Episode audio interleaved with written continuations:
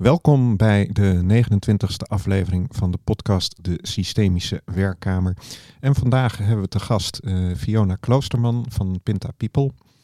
Uh, ja. ja. welkom uh, Fiona. Leuk om hier te zijn. Ja. Dankjewel voor de uitnodiging. En ik begrijp, jij bent lichaamsgericht therapeut en loopbaancoach. Ja, klopt. En hoe ben je daar een beetje bij gekomen? Hoe ben je hierin terechtgekomen? Ja, dat is een lang verhaal. Ja. Um, uh, hoe ben ik hierin terechtgekomen? In wat bedoel je eigenlijk? Nou, het ja, werk wat ik nu doe? Ja, het werk uh, wat je nu doet. Ja, ik ben nu 15 jaar uh, ondernemer en 15 mm -hmm. jaar ben ik loopbaancoach. Um, ooit dus 16 jaar geleden ongeveer daarin beland. doordat ik een interne opleiding mocht doen bij het bedrijf waar ik toen zat. Mm -hmm. opleiding tot coach. En in die opleiding tot coach ja, dan ben je eh, coach en coachie. Mhm. En in de rol van coachie dacht ik, hmm, ik geloof dat ik voor mezelf wil beginnen. Ja. En zo geschieden. Oké. Ja, zo begon ik ooit.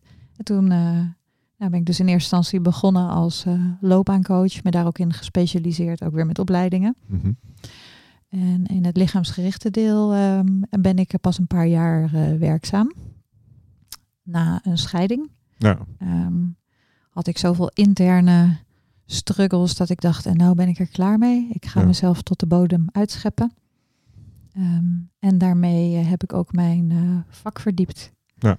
Dus dat was mooi. Ik doe echt, uh, ik hou echt van mijn, van mijn werk. Ja. Ja.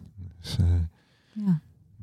dus het persoonlijke kwam bij het praktische een beetje. Ja, precies. Ja. En ik doe dus nu de combinatie tussen dat loopbaancoaching en, en het lichaamsgerichte. En, oh, en uh, ik zit nu in een systemische podcast. Ja. Je doet ook iets systemisch, hoor.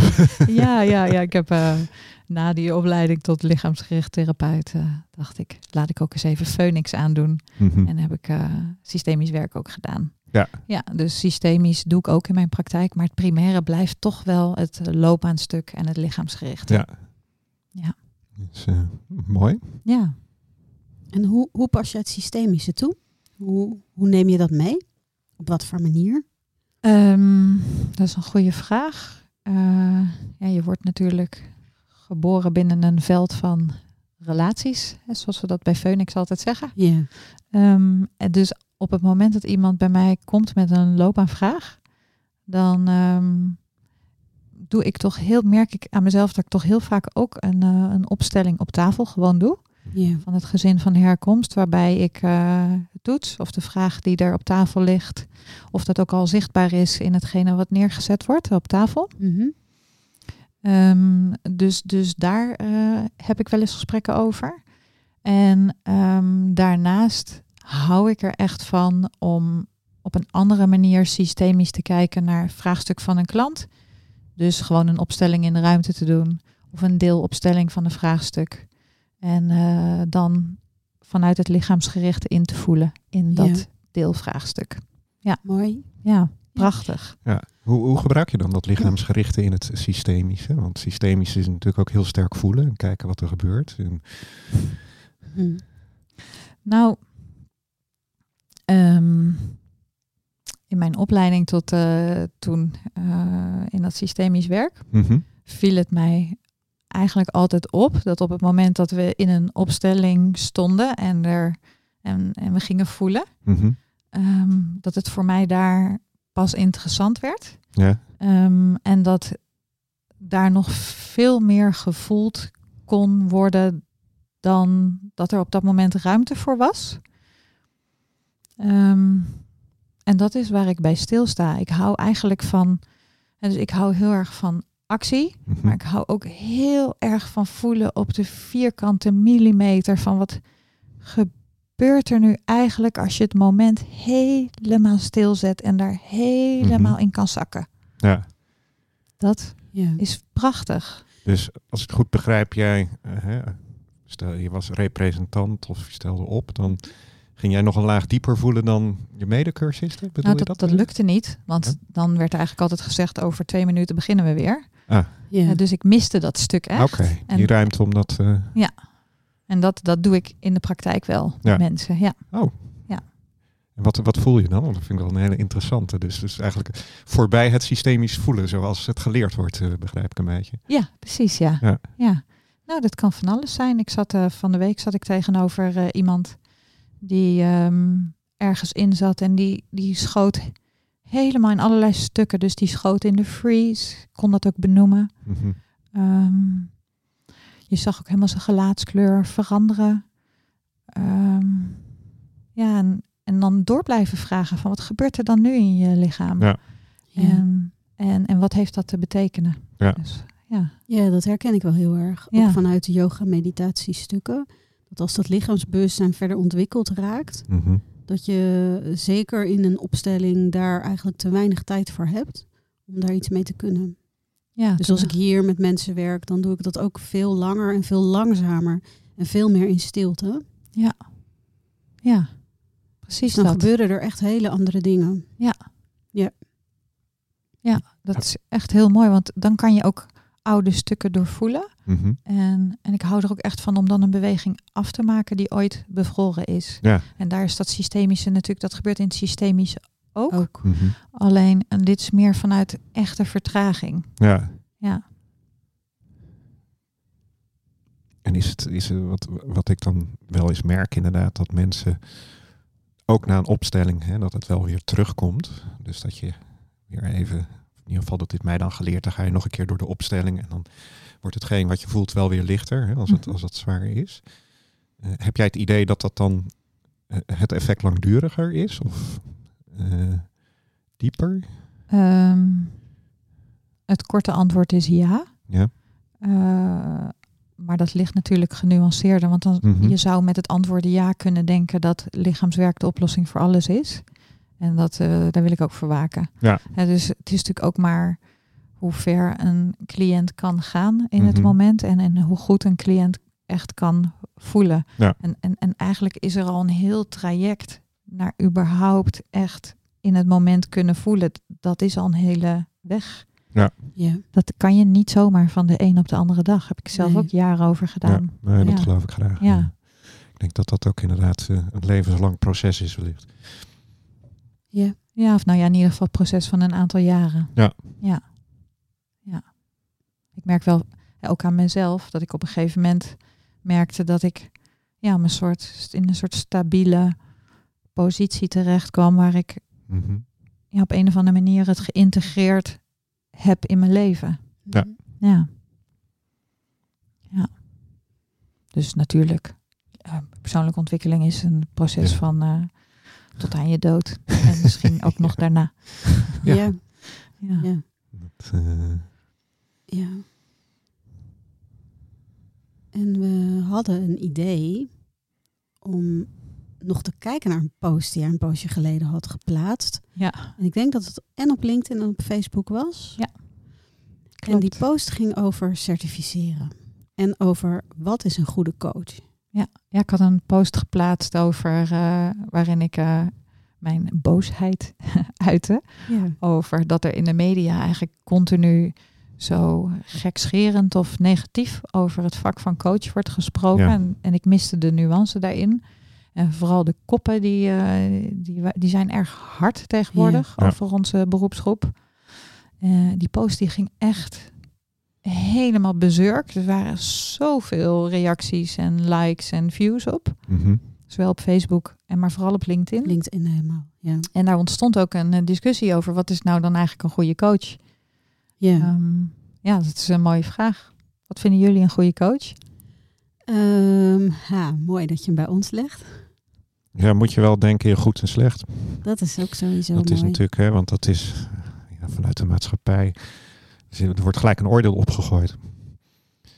En de vraag is, zou een goede coach, of is niet misschien gewoon een goede coach iemand die ehm, zijn coachie iets meegeeft wat hij op dat moment nodig heeft. En dat hij daarmee verder kan. Of blijer, ontspannender voelt. Het is, Ja, ik, ik wil nog even een stap terug maken. Want als je hem systemisch zou bekijken, dan zou je kunnen zeggen dat we misschien wel zo. Ik, ik weet niet of het klopt, maar dat, dat het beroep van coach op een gegeven moment ehm, is ontstaan vanuit een behoefte die er was. Dus als je kijkt naar hoe we als samenleving ons hebben ontwikkeld in het steeds meer individuelere leven, dat hoe gezinnen vroeger of, of communities vroeger veel meer uh, die functie van er zijn voor elkaar uh, ja. hadden. En dat dat er nu eigenlijk te weinig is. Dus daardoor is denk ik dat vak van coach echt een vak geworden. Ja. Terwijl het vroeger wellicht um, ja, werd a way of life was of zo. Ja. En dan had je wellicht in een bepaalde community ook wel bepaalde mensen die die taak ja, vaker op zich namen. Mhm. Um, Nou ja, misschien wegvallen van de kerk en dergelijke. Hè. Dus, hoewel daar voor mij ook associaties zitten die niet heel positief zijn. Maar er, uh, als je dat doorvoert, een luisterend oor. is veel minder tijd en ruimte voor een luisterend oor. Ja, ja en, en, en Ja. ik vind ook dat, dat wij, wij, noem, noem even wij, de, ongeveer de eerste generatie zijn die de mogelijkheid hebben om, om te werken aan, eh, ja, aan traumaverwerking Ja. en de bewustzijnsontwikkeling.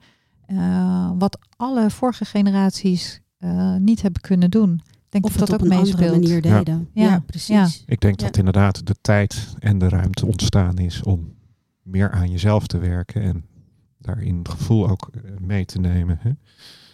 Van Ja. wat, wat je vroeger, ik ben opgevoed met van ja, op je tanden bijten, en vooral doorgaan. En dat was het hoogste goed, als je maar eh, laat zien dat je goed kunt werken. Ja. Ik moet, ik moet opeens denken aan eh, de uitspraak van mijn moeder. Elke keer als ik maar weer een verdiepende opleiding koos en nog eentje, zei mijn moeder altijd: Kind, ga toch op een koor. Ja. Waarom doe je het jezelf toch aan? Ja, ja, en wat Inmiddels- zou je bij een koor dan halen volgens jouw moeder? ja, Ja, plezier. Eh. Een gevoel van samen. Een gevoel van verbinding. Ja. Ja, Ja. dus dat is wel. En als ik dan kijk waarom doe ik mijn opleidingen? Siri wil zich Siri ermee bemoeien. mee. Ja. Wat zei die nou? Ik weet het niet. Hij had Hij ging op opleiding, volgens mij ging die opleidingen zoeken. Een koor.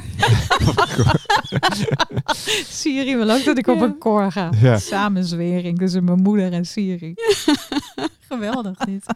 Ehm, ja, wat ik, ik. Ben ook even kwijt. ik maar, eh, ik- oh ja, de reden waarom ik zelf opleidingen doe, dat was ik aan het vertellen, is eigenlijk dat zijn precies die dingen. Ehm, plezier, een stukje zelfontwikkeling, maar ook echt een samen, samen zijn met elkaar, Ehm, gelijkgestemden. Ehm, en, en met name ook dat zelfontwikkelingsstuk. Ik weet niet, dat zul je bij een koor denk ik op een andere manier misschien ook wel kunnen halen. In het zingen. Ja, Ja. dat is natuurlijk een heel ander Maar het is niveau. een ander. Ja. ja. Maar goed. is anders. muziek en dergelijke. Eh, toen ik nog muziek maakte. Het ziet er nou uit dat eh, de band eh, weer eh, bij elkaar komt eventjes. Voor een reunietje. Maar er Mm. was echt wel eh, toch, als ik daar aan terugdenk, aan die oefensessies met elkaar muziek maken, de verbinding die ontstaat, vind ik daar toch wel enige vergelijking met de opleidingen die ik gevolgd heb. eh, kom ik daar tegen dat je Ja. toch, wij, wij hadden met z'n met eh, zeven man was het. Ja, toch wel, en geen vrouw. Diepgaande verbinding eh, met elkaar. Ja. Echt helemaal opgeladen terug. Ja, en als je naar de verschillende ehm, wegen richting verlichting kijkt, Mhm. is het zingen van mantra's is er één. Ja. Dus misschien dan toch dat koor. Ja, de, de, het ultieme kruispunt is natuurlijk stembevrijding. Ja, Ja. Dat wil ik eigenlijk nog wel eens doen. ja, Ja, prachtig. mooi. Ja. Ja. Het schijnt Dus- een hele goeie te zitten in eh, Den Haag. Oh, echt? Ja, Ga ik hem zo even noteren. ja. Ja, ik ken de naam niet. We moeten even googlen. Oh, Misschien aan Siri vragen. ja, misschien dat Siri daar wel mee wilde komen. precies. Ja. hey, maar eens terug nog no- naar wat, wat is dan een goede coach? En Ja. wat is een goede begeleider? Wat, ja, wanneer ben je dat? Ik zeg zelf altijd, als je begrijpt wat overdracht en tegenoverdracht Ja. is, ben je al een heel eind. Ja, Ja, uh, heel veel mensen weten dat gewoon niet. nee. Zitten er dus middenin. Ja, Ja, die eh, gebruiken de coachie voor, om zichzelf te coachen. Nou, dat weet ik niet. Dat vind ik wat, wat aanmatigend klinken. ja dat, vind, dat weet ik ook niet. Oké. Ehm, want ik denk overdracht tegen overdracht. eh, ik zit er zelf ook regelmatig in.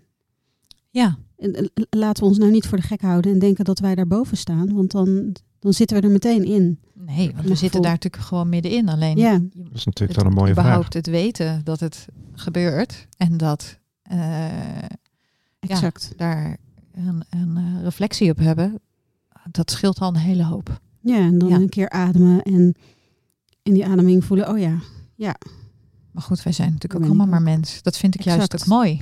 ja, Dat vind ik ook mooi. Om jezelf gewoon ook te laten zien en je kwetsbaar te laten zien in een sessie. Ja, ja. En Precies. ook als er geraaktheid ontstaat, dat die geraaktheid er mag zijn. Ja, Ehm, en, en dan wel heel duidelijk kunnen voelen, oh ja, maar dit stuk is van mij en dat stuk is van jou. Ja. Ja. Dat je dat ook met elkaar op die manier zo, zo, kunt, zo samen kunt zijn.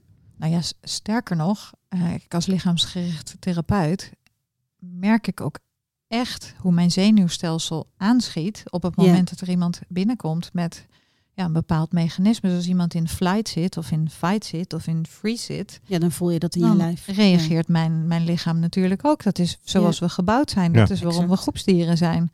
Dus het zou toch eigenlijk van de zotte zijn als dat mijn, als mijn stuk daarin, die daar gewoon op reageert, ja, als ik als, je daarin als dat er niet blijft. mocht zijn, Ja, ja, precies. dat Ja. moest Ja. verstoppen.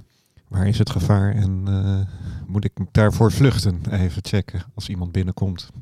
Ja, Natuurlijk het idee van paarden in een groep, dat die, die waar- schijnen zich, als ik het wel heb, ook te, te waarschuwen door middel van lichaamstaal of gevoelsoverdracht of verbinding. eh. Ja. Alle dieren doen dat, mensen ook. Dus dat is dan niet zo gek. nee.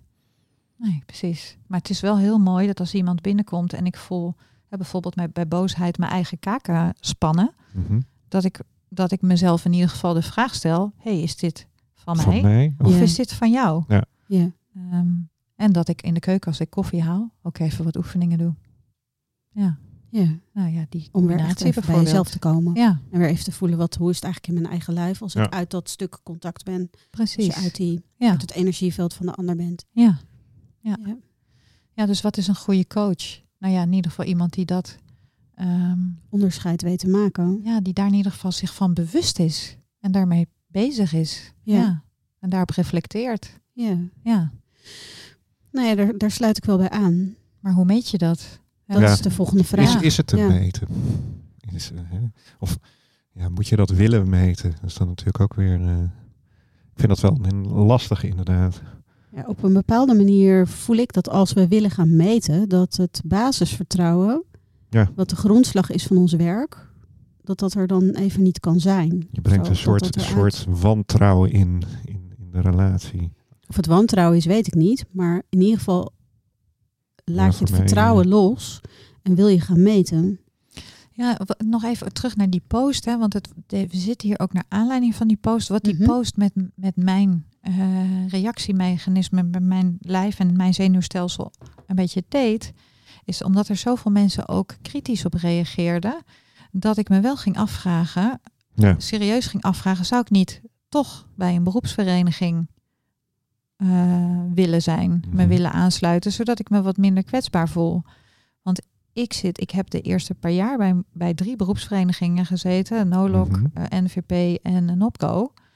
En ehm, ja, ik merkte eigenlijk na een heleboel jaren bij die beroepsverenigingen, waar je, weet ik veel, 300, 350 euro per, per beroepsvereniging aan uitgeeft, ja, dat niemand daarnaar vroeg. Nee. En, eh, en ook dat ik niks te halen had eigenlijk bij die beroepsverenigingen. Dat de ontwikkelingen die ik zelf deed en de opleidingen die ik zelf koos, waren eigenlijk allemaal andere opleidingen. Ja.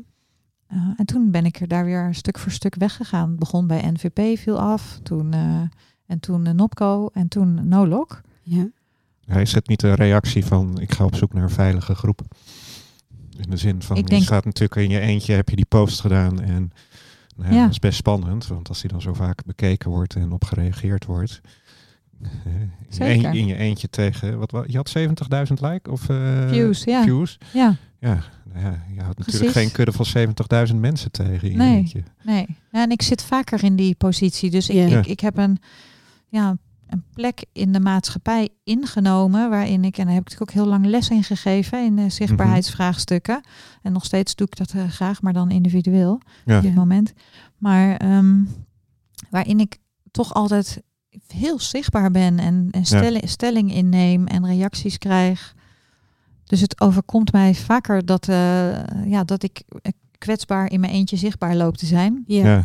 Kan je ook vragen naar mijn eh, systeem van herkomst. Ja, dat is Waar wel komt het interessant. vandaan? Ja. Ja, Hoe herken je dat zelf? ja wil je het weten? Ja. Oké, ik ben een eh, expatkind. Ja. Ik heb eh, ja. gereisd over de hele wereld eh, als kind. Indonesië, Oman, Venezuela, Assen. ja. Ja. Als, en, en in een Shell gezin, een relatief zakelijk gezin. Ja, zo al die bestemmingen aangedaan. Zou je op een bepaalde manier ook kunnen stellen, heel rationeel en heel cognitief? Of is dat Zeker. niet zo? Ja. Ja. dus dat voelende stuk, en waar ik nu zo, me nu zo thuis in voel, dat is, dat is niet mijn thuis. Dat is Nee. niet wat ik van, eh, van huis uit ken. Nee. Nee. nee. Ja. Ja. dus je hebt het altijd in je eentje weer telkens opnieuw eh, op moeten bouwen. Precies. Ja. Ja. Ja, en dus een enorme kracht om, eh, om zichtbaar te zijn. Ja. En daar ehm, ook voedend in te mogen zijn voor een heleboel anderen. Dus dat Klopt. is super mooi. Ja, En we hebben het nog niet genoemd, maar je bent ook auteur van een aantal boeken in het Ja. verleden. ja, klopt. Ja. Dus Ja. dat, ja. Over dit thema ook. Ja. Ja, precies. over- over Baan vinden met social media. Ja. Ja. Baan vinden met Twitter. Ja. Neuromarketing voor sollicitanten. Ja, Ja. Ja. Echt op het loopbaanstuk. klopt. Ja. En nu aan het schrijven aan een boek over eh, lichaamsgericht eh, werken. Mooi. Maar die, eh, daar neem ik de tijd voor. Ja, Ja. moet je ook zeker doen. Het zit lekker in de oven. een beetje aan het garen, om Ja. het zo eens te zeggen. Ja, als je het hebt over wat is een goede, eh, Ja. wat is een goede coach Ja. of wat is een goede Ja. therapeut, is dat ook trouwens een prachtig, ja, vol stuk. Want op het moment dat ik in dat boek aan het schrijven ben, komt dat in volle omvang naar boven. Dat ik echt zo aan het typen ben en dat er dan van die oude stukken naar boven komen. Wie ben ik om dit op te schrijven? Want Ah, ja. Ja, dit is natuurlijk veel, een veel gevoeliger onderwerp dan een, een boek over social media of over neuromarketing. Ja. Ja. Dus al Ja. die stukken, joh, die komen weer volop naar boven. Heerlijk. Wat Ja. een mooi proces. Ja, zeker. van hier langzamerhand. eh, Ja. Ja. Ik heb het die boek al drie keer herschreven. Ja. Ja. Ja. Ja. Dus je bent Ja, al aan je vierde editie toe. Ja. Nog niet de vierde druk, maar de vierde editie die is er in ieder geval ja, precies. Ja, het helemaal doorleefd Ja. worden. mooi. Ja. Ja, dat Ja. natuurlijk ook. Het is wel grappig dat daar dan, want dat heeft dan toch iets te maken met wellicht eh, je laten zien. Of je echt laten zien. Zeker. Zit Ja. je daarin van Ja. Ja. Ja, en weet, wat, er, je wat, er, wat er gebeurt, en dat ben ik goed genoeg, is dan toch dat ik elke keer mijn helden in het vak, die komen dan, doen me dan zo voor mijn geestesoog op. Mhm. Ja. En dan denk ik, die mensen zijn allemaal veel beter dan ik. Ah, ja. Wie zijn En nou zit- helden? En nou, zou, nou, zit, ik, nou zit ik mijn, eh, Ja. zit ik hier een boek te schrijven. Dat zouden die mensen wel Moeten mogen doen. Ja, Ja, maar zij zo. doen het niet. En wie, Nee. zijn jou- wie zijn jouw helden? Nou, eh, ja, dat, is dan, dat zijn dan toch de mensen die mij opgeleid hebben. Ja. Ja. Dus dat zijn toch de mensen van Body Mind die gewoon Mm. zo in mijn hart zitten. En ja, ja, mij echt dit vak geleerd hebben. Oh, Tot mooi. in de vingertoppen. Ja, Dat is wel grappig. Ik moet dan denken aan wat ook in eh, eerdere podcasts naar voren is gekomen. Hè? De leraar en de leerling. Dat een goede leraar ook een leerling is. En ik Zeker. denk dat de leerling ook, hè, een goede leerling ook leraar is voor Ja. zijn. ja, Dus als je het vanuit dat punt bekijkt, heb jij wellicht gewoon een ja te vullen wat, eh, wat zij hebben laten liggen. Of niet? Want jij doet het op jouw manier. Ehm, een hiaat te vullen. Ja, of misschien ligt daar een ruimte. hier. nou ja, in ieder geval wat, eh, heb ik wat ik, ik denk dat hetgene wat belangrijk is, in ieder geval wat ik zo proef aan het schrijven van dat boek weer, hè, van ben Mhm. ik een goede, ben ik goed genoeg om dit boek te schrijven, is dat ik eh, aan het zoeken ben naar mijn eigen stem hierin. Ja. Dus ik Mhm. heb nu eh, jaren en jaren van opleiding gehad. En ik geloof dat ik al 15 jaar bezig ben met alles van binnen en van buiten. Mhm. Eh, ik heb komend jaar, eh, ik vind het altijd mooi om eh, zo een jaar te bes- een stempel te geven. Dus komend jaar is voor mij integratiejaar. Ik Mhm. doe dan ook echt helemaal niks aan opleidingen. Gelukkig zit ik niet bij een vakvereniging, dus ik hoef geen PE-punten te halen. dus ik kan een jaar lang juist kijken van wat gebeurt er nou als ik dat nou niet doe Ja. bij mij. Ja. Wat gebeurt er nou als ik mezelf nou niet voed op die manier? Ehm, Dus ehm, ja, en dan mijn eigen stem daarin te vinden. Dus dat allemaal te laten bezinken. Jij maakte net een gebaar, hè, zo van boven van je hoofd zo naar je hart, zo naar beneden, naar je buik. Ja, dat is denk ik, dat is denk ik heel terecht. Mhm. Eh, ja. Dat is het integratieproces. Ik Zou denk- dan een coach die niet goed genoeg is, zou die dan in zijn hoofd zitten? nou, ik weet niet of je daarmee een slechte coach bent. Nee. Ik denk eh, eerlijk gezegd dat, die, dat je hem groter of breder kunt trekken. Dat dit een beweging is die we in onze maatschappij zien. En dat dit wellicht ook een grondslag is voor de vraag naar coaches. Dat mensen eigenlijk merken dat het in het hoofd blijven wonen eh, minder prettig is. hè, dan, dan met je hele lichaam het leven beleven, om het zo eens te zeggen. Ja. Ja, ik denk dat, dat, dat hij daar wellicht op kan zitten. Maar als een coach in zijn hoofd zit, Mhm.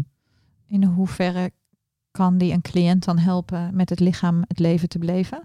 Niet. Niet, maar niet. misschien is dat een coach die eh, heel goed aansluit bij mensen die eerst nog iets moeten gaan realiseren. Dat ze een, hè, Ja. Dus Ja. wat we natuurlijk in het voorgesprek al even hadden over bij de vraag van een goede coach. Ja, is een coach ook niet eh, momentafhankelijk in wat voor eh, fase jij je in je leven bevindt. Wat er bij jou aangeraakt kan worden. Ja. Eh, sommige mensen zijn er helemaal niet klaar voor, merk ik, om direct helemaal dat lichaam in te duiken. Maar die moeten eerst die, die ratio helemaal ja, leren kennen.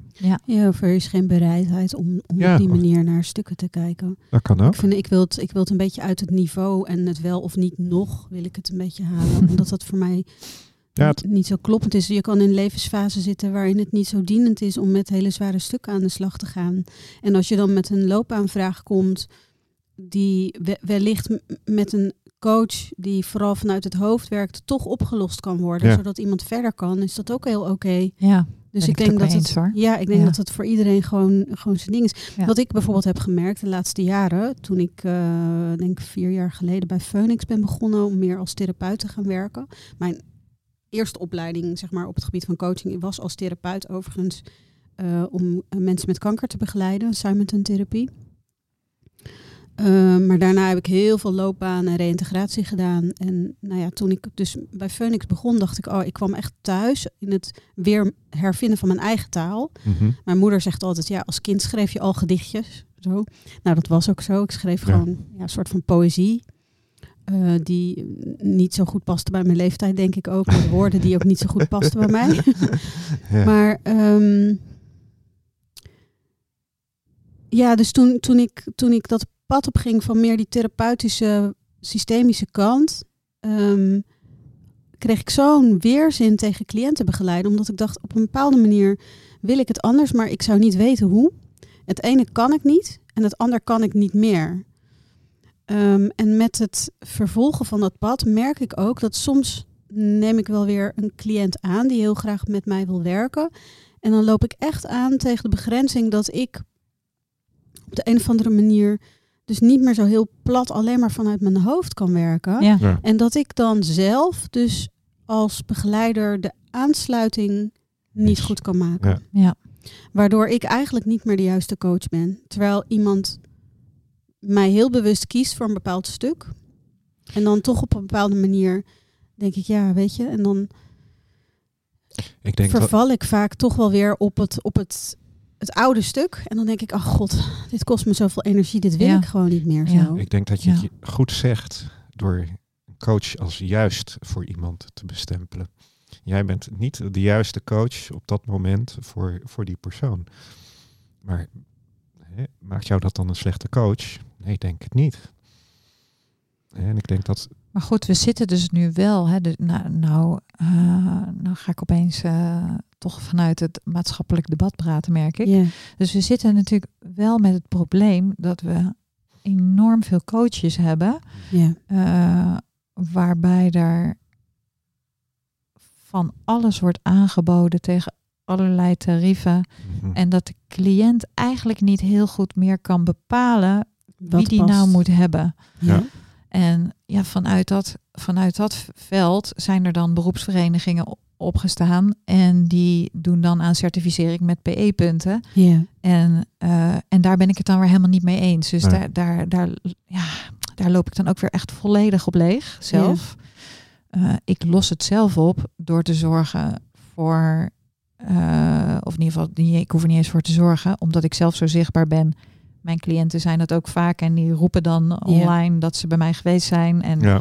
zetten dat in recommendations en zo. En ja, de manier waarop die geschreven worden en de manier waarop ik online mijn stukken schrijf, maakt dat mensen al dan niet met mij resoneren. Dus ik probeer mezelf, dat is eigenlijk bij mij altijd een beetje de kunst geweest waar ik naar op zoek ben gegaan van hoe kan ik mezelf nou zo zichtbaar maken online dat het aansluit bij wie ik, hoe ik me van binnen voel. Ja. Ja.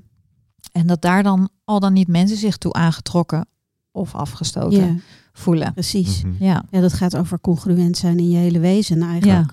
Waardoor de mensen die voelen, hé, hey, daar wil ik iets ja, mee. Of daar wil ik iets van leren. Of daar wil ik een poosje mee oplopen. Dat die dat, ja. dat, die dat gewoon goed kunnen aanvoelen. En ik merk Ja. dat daar ook echt de cliënten op afkomen die passen bij hoe ik op dat moment, eh, ja, waar ik op dat moment zelf ook sta. Ja. Dus dat zijn, dat zijn de cliënten die het beste bij me aansluiten. Ja.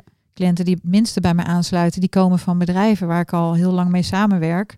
En die me eigenlijk nog kennen op, eh, op dat personal branding stuk. Ja. Waar ik gewoon nu helemaal niet meer rondhang. Ik doe het wel ook omdat ik dat leuk vind. Maar die diepe laag, net zoals wat jij net zelf zegt, dat herken ik zo. Is ook zo, ja, dat, dat, dat is wel een voorwaarde om bij mij in, eh, in, eh, therapie of of, in- traject ja, of gesprek precies. te komen. Ja, Ja, heel herkenbaar. Ja. Ja, en dan komen we eigenlijk ook op het punt van begrenzen. Dus, dus ken je jezelf als begeleider daarin goed genoeg?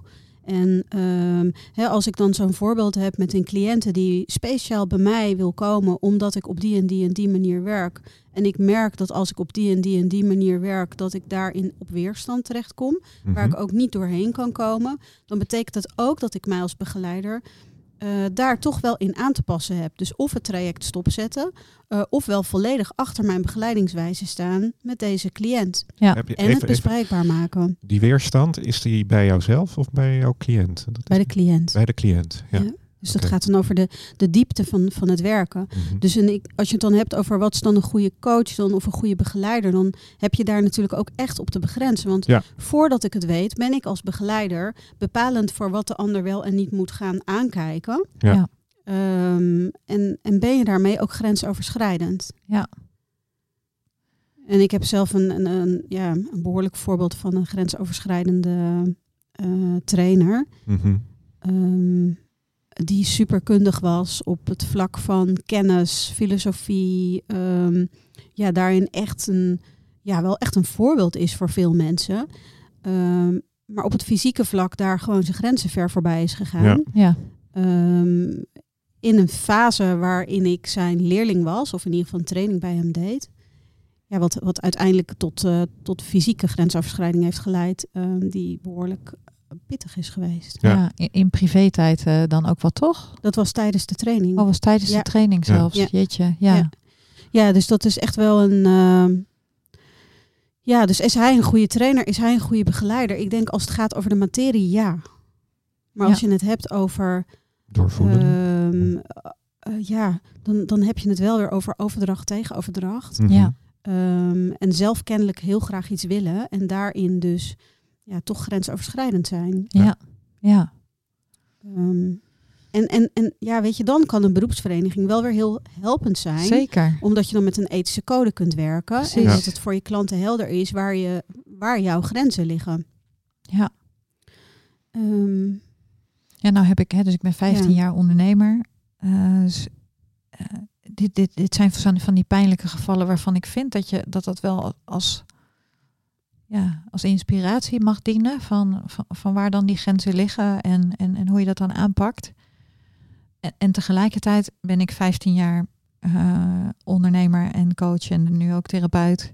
En, en heb ik nog, nog nooit iemand gehad die eh, een klacht heeft ingediend Nee. of Nee. boos was. En, en dan zeg ik ook echt op mijn website, heb ik ook letterlijk gezegd, hey, Mhm.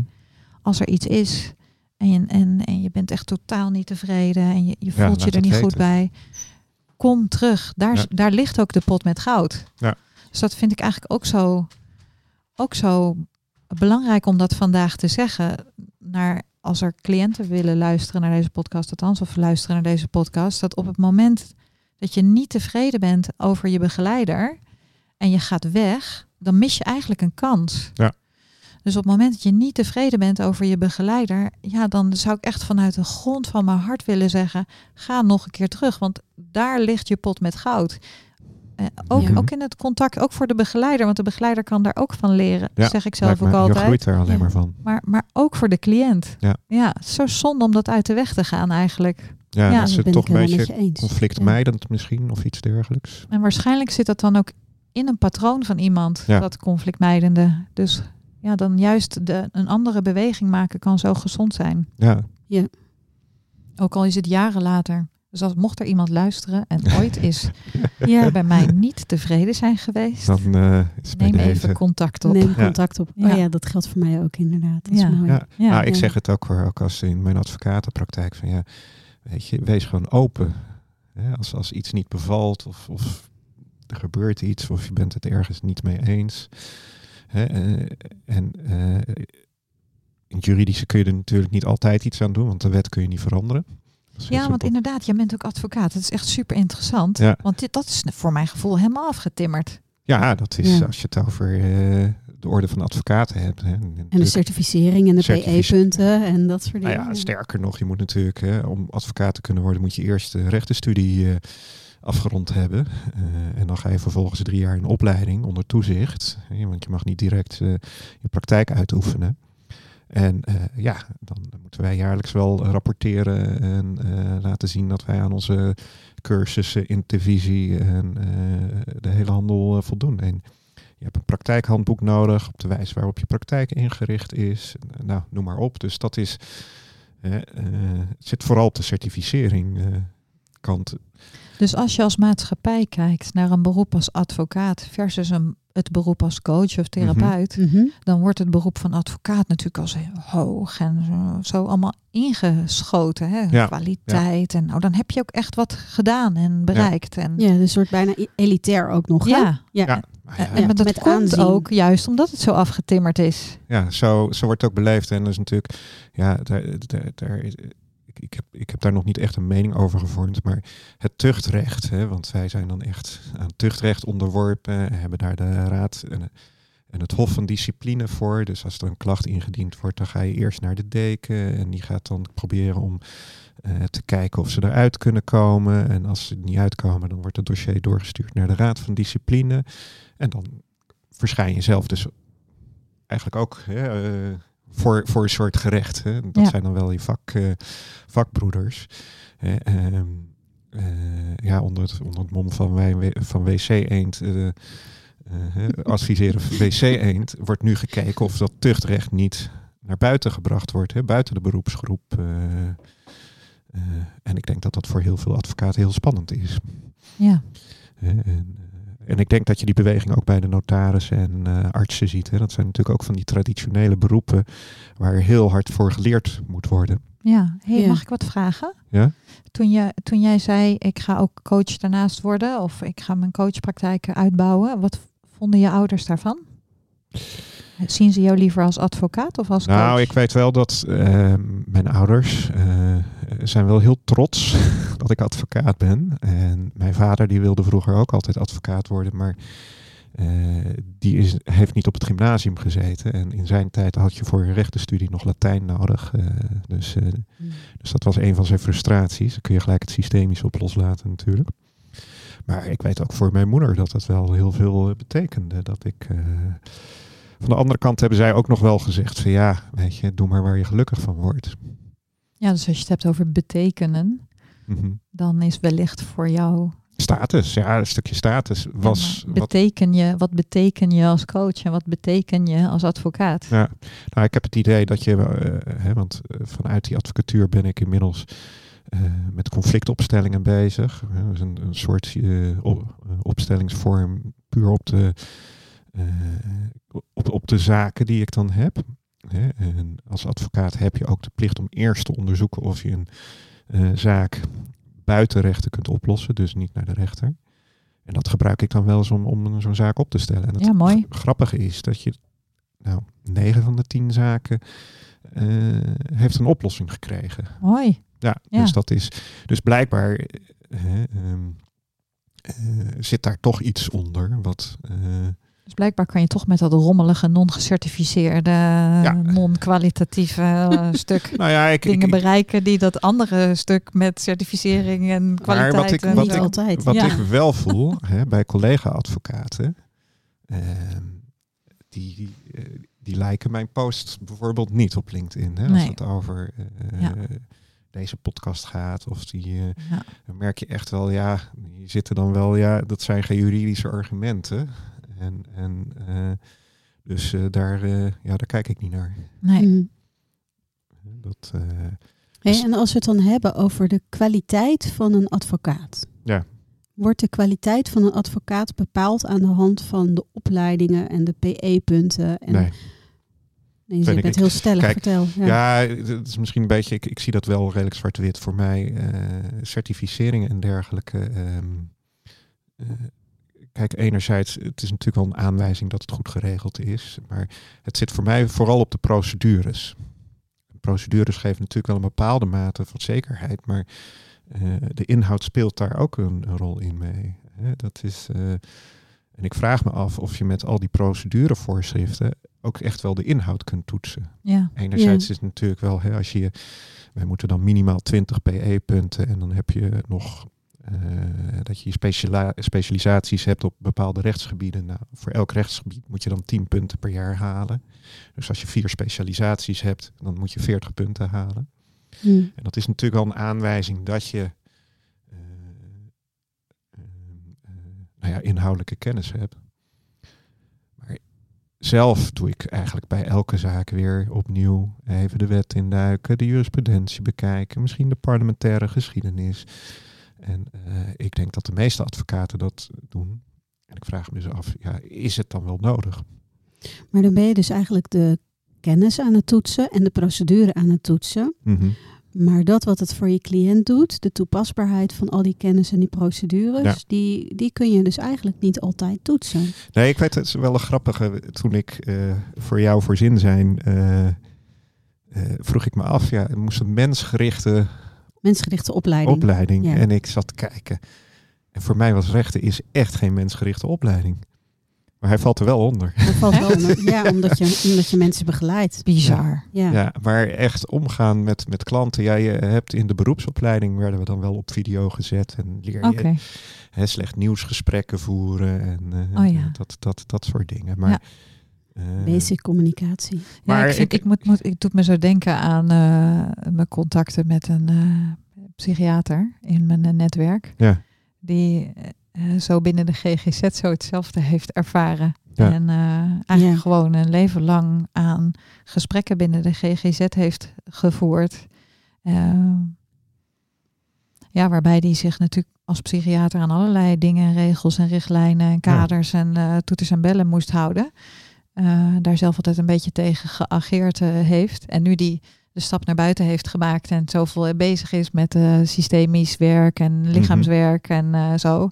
Eigenlijk veel verder komt, ook in zijn eigen stukken, maar ook in zijn contacten met zijn cliënten. Dus zo mooi om te zien Ja, dat is eigenlijk. bijzonder hè. Zo dus het mooi. los kunnen laten van, of het los willen laten van, van die procedures kan dus ook als gevolg hebben dat je in een veel ehm, opener contact met je Ja. cliënten komt. Ja. En een ander soort ontmoeting. Het werkt natuurlijk twee kanten op. Hè? Want eh, het werkt naar binnen toe. Dat je namelijk, hè, je hebt je, je vormvoorschriften. Ja, Dat geeft zekerheid. En wellicht geeft het alleen maar zekerheid voor de beroepsgroep. Maar het werkt natuurlijk ook heel beperkend, certificering, ja, vind Ja. ik. En ik denk inderdaad ook van ja, als je kijkt zeker bij het helpen van mensen.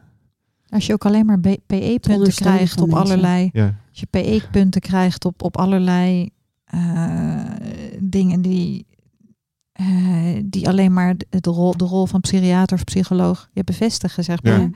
En nooit buiten de muren van de GGZ PE-punten krijgt. Dat is zonde, zeg. Ja, Maar- dat is ook heel jammer. systemisch gezien is het natuurlijk, hè, eh, het systeem is gericht op het voortbestaan, hè, de continuïteit van het systeem. Ja, ja, En ik denk dat die daar ook een beetje uit voortvloeit, die, Ja. die certificering van wij. Het geeft zekerheid. Schijnzekerheid. Ja, ja, zekerheid bestaat want- gewoon niet in het leven, denk ik wel. Ik heb aan de. ehm, ik, heb, ik ben drie jaar bestuurder geweest van de beroepsvereniging NOLOK. Mhm. En, ehm, en toen ik in dat bestuur stapte, toen ehm, eh, vond ik dat op zijn minst heel interessant en wilde ik me echt graag inzetten voor de beroepsgroep. Eh, maar een van de dingen waar ik me. Ja, waar, waar, waar, waarin ik dacht van ja, dit klopt voor mijn gevoel niet, is alleen al de harde eis dat je per se een HBO-diploma moet hebben. Ja, Ja. want ik ken best wel veel collega's die niet een HBO-diploma hebben, maar zich dusdanig ver ontwikkeld hebben dat het ontzettend goede begeleiders van cliënten zijn. Hè, maar op, op het moment dat je dat dus allemaal gaat formaliseren en zegt nee, die HBO-opleiding moet er zijn en het moet ook nog een mensgerichte opleiding zijn en dat wordt verder ook allemaal helemaal afgekaderd en afgetimmerd welke opleiding is dan mensgericht en welke niet.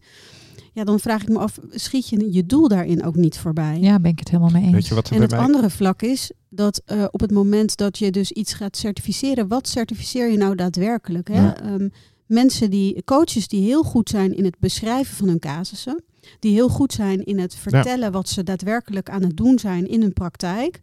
Eh, die zullen dat in, in zo'n presentatie ten opzichte van zo'n board echt heel erg goed doen. Terwijl iemand die misschien rete goed is in zijn werk in de praktijk, maar moeite heeft met spreken voor een, een groep of het eh, op papier zetten van, ehm, van een casus, ja, die, die komt daar dus niet bij uit de verf. Ja. Ja. En die wordt dan bestempeld als niet goed genoeg. Eh, of matig, ehm, of, of net goed genoeg, terwijl dat helemaal niet fair is. Want dat waar het over zou moeten gaan, dat, dat wordt niet gemeten. Sluit Ja. uit, Heuke. Ja, en plus dat ik ook als ondernemer, dus, dus dat vind ik inderdaad eh, heel belangrijk. En, en wat het bij mij ook altijd zo in mij oproept, is dat ik, kijk, ik ben, om het mij heel groot neer te zetten, ik ben op de wereld gezet om, om mensen te begeleiden. En, en dat is waar ik mijn hart voor maak. Dat is wat ik wil. Daar ga ik voor. En eh, administratie hangt er bij mij altijd een beetje. Ik Ja, weet niet of dat, hoe dat bij jullie is, maar dat hangt er bij mij altijd een beetje bij. Dus als ik, eh, als ik bij zo'n beroepsgroep, eh, beroepsvereniging allerlei dingen in moet gaan zitten te leveren, zo ook naar een werkgever, daar doe ik dat ook niet. Ja, dat, dat past helemaal niet bij mij. Dus ik weet ook nog, dat dat een klein beetje in hetzelfde straatje, dat toen ik bij zo'n grote corporate voor het eerst aan tafel zat, hartstikke spannend gesprek. Dus zo'n mevrouw die dan eh, ging vragen wat ik dan voor ze kon betekenen en zo. Eh, en, en ik vertelde zo mijn verhaal en ik had ook echt besloten, ik blijf heel dicht bij mezelf. Ja. En ik vertelde van, nou ja, als je bij mij, als je verslaglegging wil van een gesprekken of eh, ja, je wil iets op papier hebben, dan moet je niet bij mij zijn. Moet je naar een grootje, grote coachbureau gaan. Ehm, en toen was het gesprek afgelopen en ik weet nog dat die mevrouw mij aankijkt keek, en die zei, jij bent fris. En Toen dacht jij, jij bent muf of zo? en toen dacht ik, oh mooi, het slaat aan. Het is, Ja. wel heel, span het is heel spannend Ja. om heel authentiek in, ja, in, te al, luisteren naar in wat je zelf wil. al die contacten te blijven van en dit is, dit is waar ik in mijn kracht sta en, en daar ga ik ook zo over de grens, over mijn innerlijke grens heen, Ja. waar ik dat niet meer ben. Ja, Ja, maar dat is, dat is natuurlijk echt... Hè, eh, als je kijkt naar de groepsbeweging, gekke ding, als ik kijk naar die orde van advocaten. En, eh, ik heb dan 2002 Jonge Bali-congres georganiseerd. Ja, weet je, dan heb je toch een soort corporale sfeer die er hangt. En voor je het weet, word je er zelf in meegezogen. Hè? Dat is, Ja, eh, precies. En, en ja, als jij ineens anders gaat eh, gedragen, dan kijk, word je aangekeken van ja, wat doe je hier? Spannend is Dus dat, dat hè? is heel spannend. Ja. Ik weet ook nog de allereerste keer dat ik een lichaamsgerichte, hè, dus bij al die corporate cliënten, die allemaal van die mensen die in een strijp, krijtstreep pak naar mij of hoge hakken eh, op de Surinamestraat naar mij toe kwamen in Den Haag. Eh, dat is ook een chique buurt, zeg maar. Er is een grote deur door. En dan eh, mijn allereerste lichaamsgerichte eh, oefening. Oeh, dat was spannend. dat was heel spannend. Ja, En ik, eigenlijk heb ik daar wel mee leren experimenteren. Dus eh, ik zeg, dan zeg ik altijd heel vrolijk, we gaan een experimentje doen. Laten we eens kijken of het voor je werkt. ja. Ja, maar goed. dat is wel heel mooi om dat zo in te leiden. Ook, Ja, ook ja. voor jezelf. ja, Om wel die stap te zetten en Ja. te doen. ja. Heeft bij mij ook echt wel ja, een hele periode geduurd. Dat ik mensen dat, dat ging laten doen. En het bizarre vond ik, ik, zeker met, vanuit mijn yoga en meditatie en dat stuk, heb ik zoveel met het lijf gedaan. Maar om in mijn begeleiding dat echt daadwerkelijk ook zo in te gaan zetten. En nu laat ik mensen af en toe ook gewoon dansen. Ik zet even wat aan. Ja. Ja. Beweeg maar, voel maar wat je lichaam nodig heeft. Ja. Ja. En als je het niet weet, dan volg je mij maar een beetje. Ja. Weet je wel? En dan doe ik niet al te gekke dingen. Ja. Of wel, als ik denk dat iemand het aankan. Dus dat is ook leuk. ja, doe maar gek, dan doe je al gewoon genoeg. Het is misschien, eh, Dat is Mooi. ook een mooie. Ja. Mooi. ja. Ja. Ja. Dus natuurlijk, daar komt hij heel sterk vandaan. Ik zat, eh, wat, ik zat iets te kijken. Er kwam op Instagram iets voorbij. En ik denk, inderdaad, jeetje. De eerste reactie was van, wat een idioot. Wat een idioot staat zo raar te bewegen. En toen dacht ik, is eigenlijk ook wel lekker dat je gewoon scheidt aan alles. En eh, ja. heel vrij kunt, kunt bewegen. Toen moet ik denken aan mijn jongste zoon met wie ik eh, van het weekend naar het winkelcentrum ging. En ik midden op de roltrap zo'n vrije beweging. Zo, ik gooide zo mijn armen in de lucht. En mijn jongste zoon zei, nee mama, doe niet doen. en eh, ja, je zou, Arme jongen. je zou vrij kunnen voelen. En mensen zich ook leren hoe ze zich vrij kunnen voelen. Ja. Ook binnen Ja. een groep of binnen de maatschappij. Ja, het is toch wel heel mooi. Ja, Ja, Mooi. het grappige is, juist die vrijheid Ja. heeft een hele aanzuigende werking hè, ja, op mensen. ja. Dat, eh, Behalve op je eigen kinderen dus. ja, Ja, eh, die- in de puberleeftijd is het sowieso. Gewoon, Ga maar bij jezelf na. Ja, ja dat Ik schaamde me ook voor mijn ouders. Ik ook. En nu doen, de ki- doen mijn kinderen hetzelfde. Ja. Ja. Dat hoort er kennelijk bij, hè? Bij die levensfase. Ja. Schaamte. Ja, nou, schaamte gaat natuurlijk ook over ja, Ook over begrenzen. hoe ziet de wel, wat buitenwereldje. Ja, Ja. ja. ja.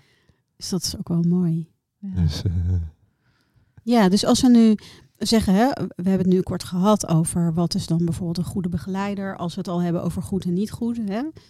Ehm, maar wat, wat zouden we dan wel willen meten? Wat zou, wat zou voor cliënten nou echt helpend zijn om te weten over een begeleider? Om erachter te komen wat past goed. Ik weet dus echt, ik weet dus oprecht niet Nee?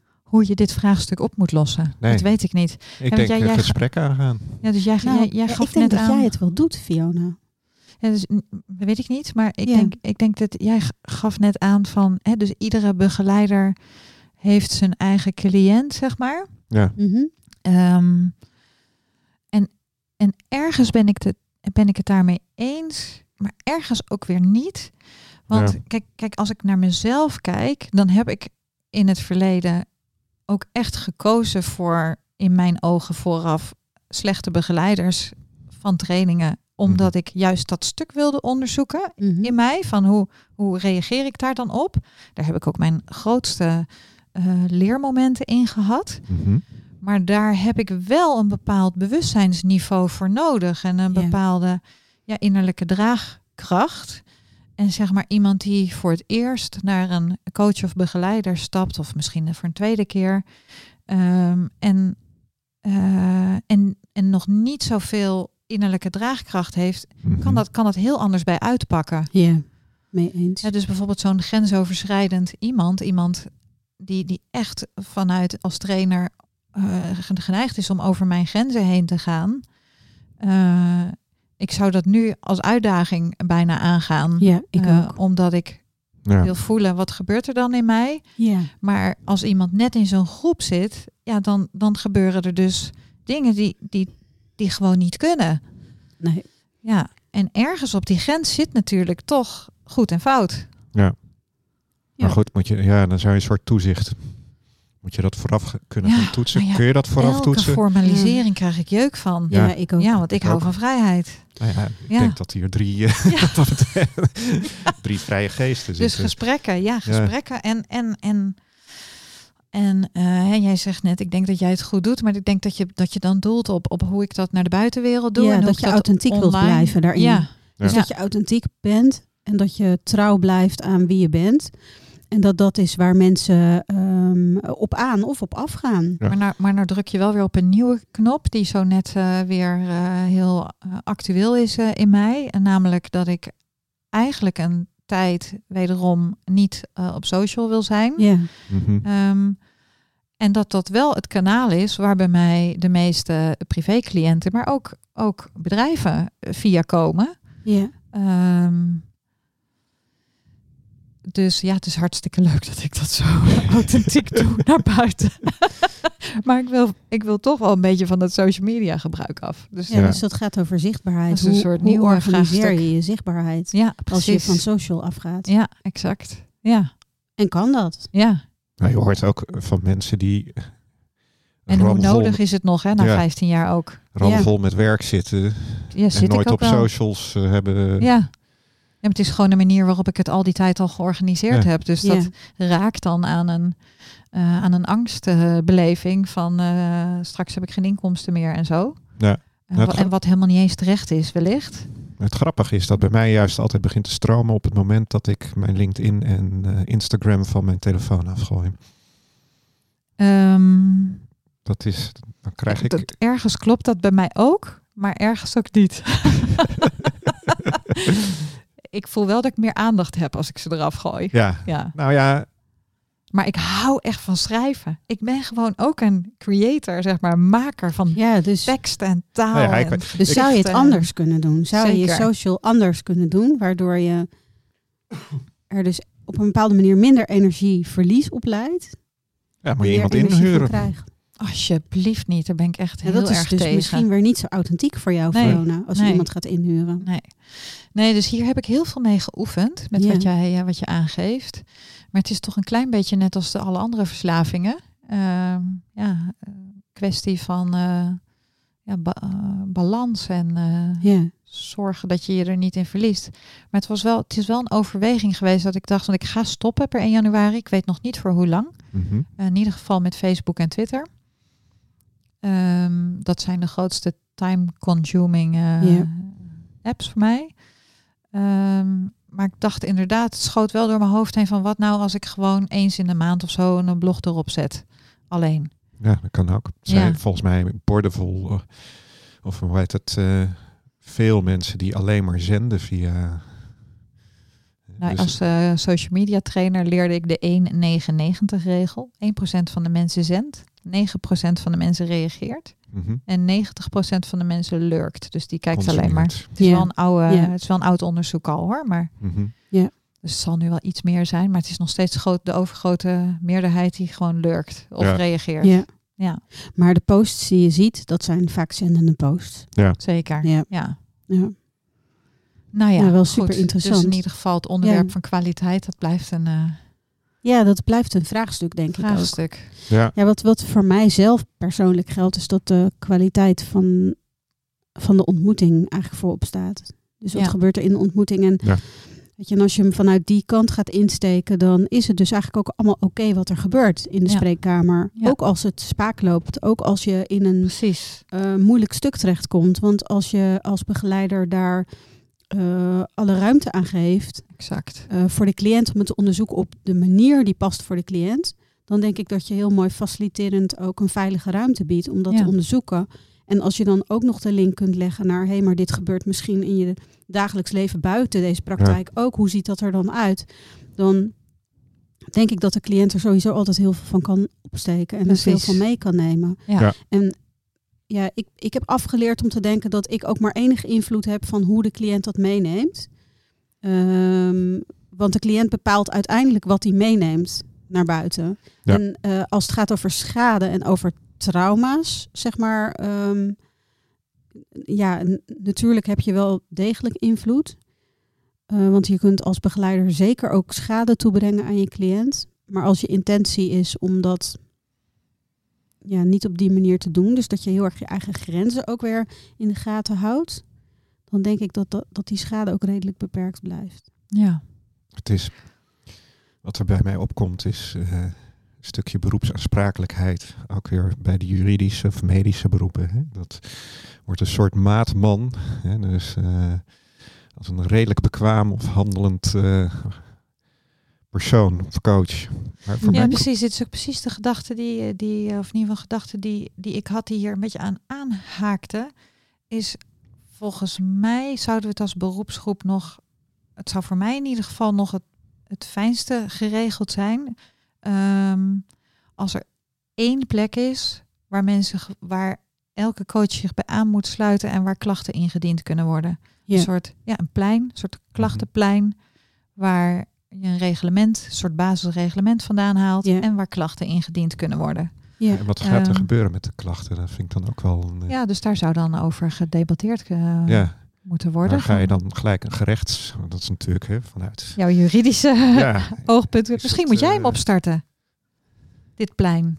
dit plein. Ja. Ik weet niet of ik daar zo zin in heb. Want ik merk juist eh, dat dat niet mijn beweging is.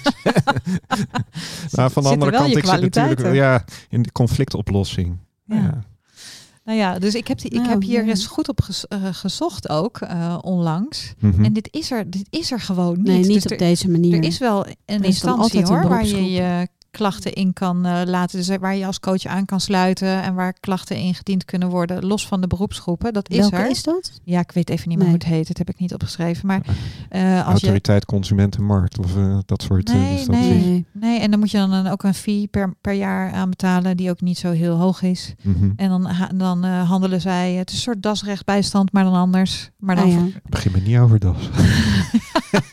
Als je HR ergens over kwaliteit hebt. als HR-adviseur dacht ik dat ook altijd. Ook mooi, deze brief komt van Das. ja, precies. Godzijdank. Oh, wij hebben voor die kunnen we hebben. ja, dat is ook het eerste. Oh, ze hebben een rechtsbijstandverzekeraar. Ja. nou ja, in ieder geval. Maar als je dus gaat kijken naar eh, hoe, eh, want daar kijk ik dan naar, hè, als je het hebt over kwaliteit, hoe de recommendations over dit ding zijn, waar Zijn. je ja, kan aansluiten, is echt heel laag. Ja. De Google recommendations zijn één eh, ster, één of twee sterren. Ja, daar ga ik me niet bij zitten aansluiten. Maar, Maar Nee. goed, Nee. als er Eh, dan- iets van je- kwaliteit is, ja, maar eh, hè, eh, even weer vanuit het juridische wellicht. mhm, Een klacht. nu ga je aan toch wel hoor. Ja? Je gaat nu wel aan. Nee, maar een klacht, als je een klacht indient, wat wordt er met die klacht gedaan? Waartoe moet een klacht leiden? Ja. Moet dat tot een schuldbekentenis? Dat wil de klager wil natuurlijk gelijk horen dat hij gelijk heeft. Maar wie gaat dan bepalen wie gelijk heeft of wie niet gelijk heeft? Dit zijn allemaal En wat zijn dan die inderdaad dus... Dit is echt wel wat voor jou hoor. Ik zie hier kansen. Ik sluit me alvast dan Nou, bij ik je weet aan. het niet. Ik Ik, niet. ik weet het niet hoor. Want ik zie ook dat het hem geen energie geeft. nou, maar hij gaat er wel van aan. Zie je dat? Hij gaat Nou, er het is, ik, ik kan er heel goed Ja, over filoso- filosoferen, maar eh, om het dan in de praktijk te brengen, denk ik dat dit echt een... Weet je, ik heb, ik heb niks met klagers. ik zeg het misschien wat zacht, maar... Ze hoeven het ook niet bij jou te doen. Nee, maar... Alleen maar initiatief Ik vind wel nemen. weer, als je dan zo'n heel groot initiatief hebt waar echt iedereen bij aangesloten moet zijn, dan wordt het ook alweer echt een instituut. Ja. En met een instituut komen daar weer... Komt een onderstroom. Ja, dus ik zou het echt alleen maar heel basis doen. Van dat, je, dat Ja. het een plek is waar, waar Ja, maar- mensen klachten kunnen indienen. En die dat regelen voor je. Op het moment dat jij body krijgt, gaat er vanuit de overheid iets spelen. Er komen altijd dan, eh, wel dus weer- het gaat om ja. geestelijke gezondheid van mensen. Komt er een GGZ? Ja, wij ook. Jullie zijn te succesvol. Ik denk dat dat, eh, in ieder geval, dat zijn dan van die bewegingen die ik... Zonde Ja, en welke beroepsgroepen laat je dan allemaal? Want ik bedoel, begeleiders is natuurlijk heel breed. Als je het hebt Ja. alleen maar over coaches, welke coaches dan? Zijn dat dan ook de coaches die ehm, ehm, echt alleen maar met tarotkaarten werken, bijvoorbeeld? En dus Ja. op die manier. Tarotklachten. eh, Nou, hier, hier Nou ja, heb nee, ik maar ik wil daar ook niet- wel een, ik wil een probleem met bij welke respectloos Bij welke, bij welke sluit ik me eigenlijk aan? Want ik, Ja. ik, ben, ik doe zowel coaching als, als, als therapie. Ja. Eh, waar, waar ga ik heen? Waar, waar kan ik al die dingen kwijt? Dat is ook ingewikkeld. Ja, Nee, je ik weer in ben nog steeds lid van NOLOC en ik, ik ben meer met therapie bezig dan met loopbaanstukken zelf. Ja, en dan komt En er eens iemand met een klacht buiten dat, Ja. buiten dat loopbaanstuk. En dan, en dan zeggen ze, ja, nee, dit is geen loopbaan ding. Nee, Niet ontvankelijk. Ja. ja, Ja, ja. Nee, maar goed, het is inderdaad ook... En, hebt natuurlijk psychiaters die het medisch tucht- tuchtcollege hebben. Eh, Mhm. Psychologen zullen ook wel iets hebben qua klachten of een beroeps... eh, zijn ook PIG geregistreerd, eh, ja bij die mij zijn weten. nip. Dat niet allemaal overigens, zijn niet allemaal big geregistreerd. Nee, maar goed, het is... Hè, dus, GZ-psychologen per definitie, en, maar, maar niet allemaal. Klinisch ook. ja. Eh, maar er zijn ook veel vrij gevestigde psychologen die of bij het NIP zitten inderdaad, of Ja. helemaal nergens. Dus ook gewoon echt alleen maar praktiseren voor zichzelf. ja. Maar mag je jezelf dan psycholoog noemen? Weet ik eigenlijk Ja, niet. volgens mij wel. Ja? Volgens mij mag je, als je de studie... de eh, studie hebt afgerond, afgerond. Oké, dan want je mag je niet zomaar advocaat noemen, toch? Dan, Nee, eh, dan, nee, dan, nee, als je nee, studie hebt is, eh, afgerond, noem je jezelf jurist. Ja. Ja, ja. Ja. Uitgeven voor advocaat, terwijl je het niet bent, is strafbaar. Ja, precies. Dus, Nou, het is een uh, Ja. probleem. Lekker dan. nou ja, is het het een, is van het een deze probleem? podcast. Is het, de vraag is, is het een Is het probleem? een probleem? Nou ja, de maatschappij vindt van wel in ieder geval in alle berichtgeving eh, wordt er best wel straf over onze beroepsgroep gedacht. Ja, wat Ja. zegt dat over de klagers, over onze beroepsgroep? Ja, natuurlijk. Zit daar niet een, veel. een, een be- behoefte onder die ze niet gezien mag worden? Wat is nou eigenlijk de grootste klacht die, Ja. ja. Eh, Iedereen die is coach. gevoeld hebt? Wat, wat is nou hetgeen wat...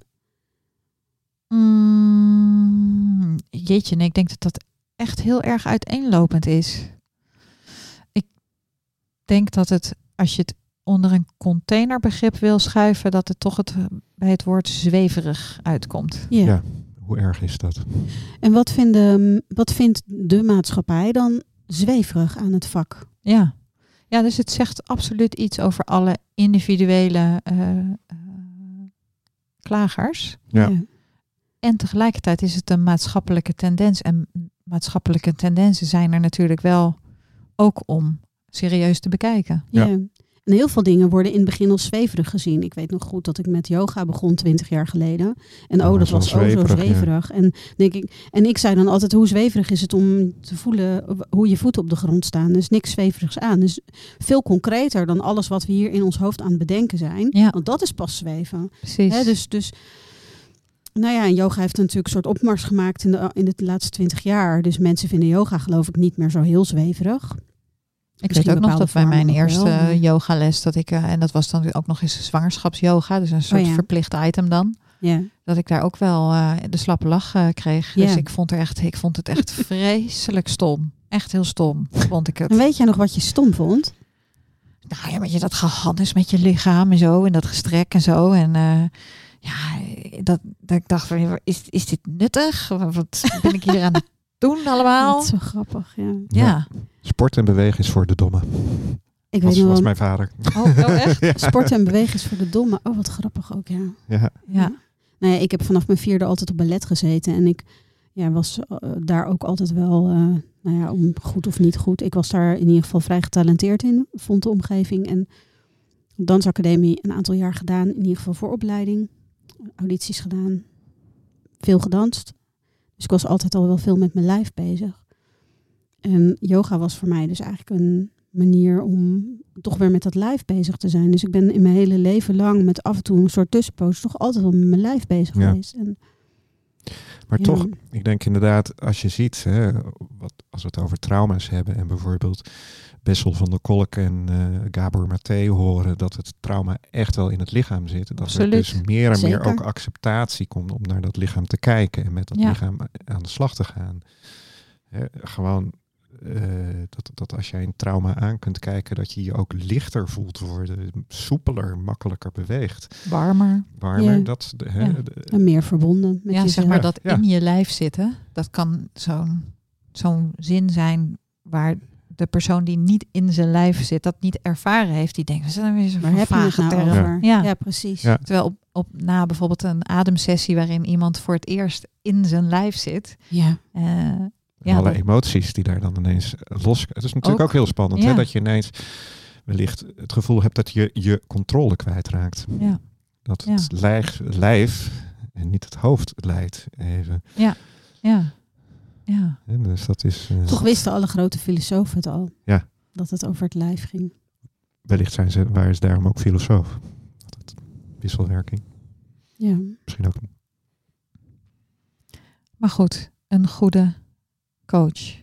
Ik denk dat het antwoord niet te geven is. Nee. Nee. Ik denk, het, wellicht is Zou het je niet kunnen zeggen... Oh, sorry. Maar- positieve wat ik zie in dat heel veel mensen coach willen worden, is dat heel veel mensen eh, naar de mens willen gaan kijken. En Ja. Toch naar verbinding. En wellicht dat heel veel coaches, of beginnende coaches, dat op misschien een onbeholpen manier doen. Mhm. Maar ik, ik zie het ook wel als, als een uitreiken naar elkaar. Ja, ik zie het ook als een eh, hele positieve tendens. Ik zeg altijd dat, het een spirituele, dat we in een spirituele revolutie zitten. Nou Ja. kan je over het woord spiritueel ook weer van alles eh, zeggen. Ik zeg altijd, spiritueel is, zijn de nog niet ontdekte natuurwetten. Oh ja, Ja. In de zin van, en Oh, dan is zeg ik altijd bij van, mooi als advocaat om dat Ja. te zeggen. ja, nee, maar Ja. goed, dan dat is mooi bij... eh, daarmee eh, sla je de, hoe heet het, brug van de ratio. Ja, Want ja, vroeger renden we weg voor de donder en nu weten we dat het onweer is. Ja. ja. ja. Ja, dat is mooi. Ja. Ja, en, en een ander iets wat nog even me opkwam was de regie bij de coachie. Het ruimt ook nog, dus dat is dan maar lekker bekkend. Eh, ik denk namelijk dat, zeg maar, als we met z'n allen maar een soort heksenjacht van coaches maken, dat Ja. de regie ook niet bij de coachie ligt. ja Nee. Terwijl daar zou die wel moeten liggen. zeker. Want het gaat eigenlijk over het lopen van je eigen levenspad. Dus Ja. eh, hebben, hoeveel, hoeveel verantwoordelijkheid neem je als be- begeleid iemand Ja. Eh, over je eigen leven? Ja, en als je dan merkt in, in, in de gesprekken dat iets niet voldoende eh, grond krijgt bij jezelf, of dat iets niet klopt, of dat een begeleider niet past, ehm, moet je dan per se gaan klagen? Of kan je ook gewoon zeggen, we sluiten het hierbij af? Ja. Ja. Want dit past gewoon voor dit Ja. moment niet. Dit is niet meer Maar ik zeg altijd, jij zit op de fiets, ik zit achterop. Ja, Maar je moet, moet wel trappen. precies. nou ja, dat is mooi. Ja. Ja, ja. Dat is inderdaad ook een leuke metafoor. Ja, ja. Ja, die is wel leuk. hè? Ja. Ja. Dus dat is denk ik ook wel. Ja, laten we die regie bij, bij, Maar- bij de gecoachte houden. Zeg je dan, eh, geef je dan de route aan? Zeg je waar je heen moet? Of mag ze het, eh, mogen ze dat ook dan zelf uitvinden? Wat denk je zelf? nou ja, ik denk dat als je het dan dat er genoeg coaches zijn die eh, willen sturen. Ja, het is een beetje een soort in- wisselwerking. ja, Ja. En ook per, per cliënt weer anders. Dus eh, ik geloof ook wel eh, erg in het werken met, eh, met hechting. Ja, Dus mensen Ja. komen bij mij en komen dan eerst vanuit hun primaire hechtingspatroon, sluiten ze zich aan bij mij. Ehm, en da- daar mag ook alles in. Dus dat mag dan ook dat ze Ja. eh, uitreiken naar mij. Of me, ik zeg ook altijd, je mag me dag en nacht appen.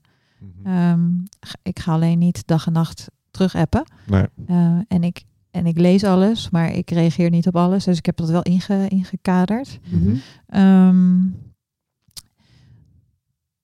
wat was ook weer? Nou ben ik het kwijt. Wat was de vraag ook weer? Nou ja, of je in hoeverre je Oh ja. de richting aangeeft of Ja. stuurt. eh, Dus in eerste instantie zou het zo kunnen zijn dat ze, dat ze in, in, in hun eigen hechting, dat ik heel erg sturend ben, mhm. omdat het gevraagd wordt in de dynamiek. Ehm, maar het doel is altijd daarna dat ze eh, in hun eh, individualiteit eh, steeds meer stappen en loslaten en weer gaan, onthechten. Je stuurt ja, ze een hun soort eigen pad op. zelfsturend. Ja. Dus het zou kunnen zijn dat ik in eerste instantie achter op de fiets eh, veel duiding geef. Ja. Maar op een gegeven moment eh, wordt dat steeds minder. Ja. Ja. Het kan ook dan zijn dat ze voor mijn neus zitten en dat ik vraag van eh, wat, wat eh, zou je deze sessie in willen brengen? En dat ze het niet weten en dat er dan zo'n hele ongemakkelijke stilte valt. Ja. En dan in die ongemakkelijke stilte durven blijven. Ja. Ik vind dat ook altijd leuk om te doen. Ja, Ja. Ja. Ik heb ook wel eens met een cliënt gehad die echt met niks kwam. Hebben een hele lange ongemakkelijke stilte gehad. En dan heb ik gevraagd hoe zou het voor je zijn om nu naar huis te gaan ja, met, dit, met deze vraag. En de volgende keer te komen met iets wat je in wil brengen. ja precies. Ja. Ja. Ja. Ja. Hij heeft geen klacht ingediend. Ik was ook op zoek naar een bruggetje. Mooi. Oh, ik dacht, laten we in de ongemakkelijke stilte blijven. ja, ja, zo ongemakkelijk voelde die niet. Maar, het was, Ja. dus, eh, maar goed, ik zie ook al dat we... Zit op een uur en bijna een kwartier. Ja, dus ik denk dus, dat het ook eh, mooi is om af Laten te we afronden. Ja. Is er nog iets wat je wil zeggen, Fiona? Nee, eh, fijn. Fijn ook om, eh, maar dit is een hele persoonlijke noot die ik dan nu ga af- afronden. Mhm. Eh, fijn om eens met twee mensen een podcast te doen. eh, want Ja. eh, dat is echt heel prettig. Dat, eh, dat is heel erg energiek. Dat scheelt ook een. eh, anders heb, krijg ik toch zo'n stemmetje wat denkt: ik moet mijn best doen. Ja. Eh, dit is echt een het hele is heel prettige. relaxed hè, om het Ja. Ja. met z'n drieën Echt te een doen. prettige Ja. dynamiek zo. Ja, dank Dus, jullie wel voor deze ervaring. Ja, Graag gedaan. Ja, En Ah. dank dat je hier bent nu. ja, mooi gesprek weer. Dankjewel voor je komst. ja, graag gedaan. Dus, eh,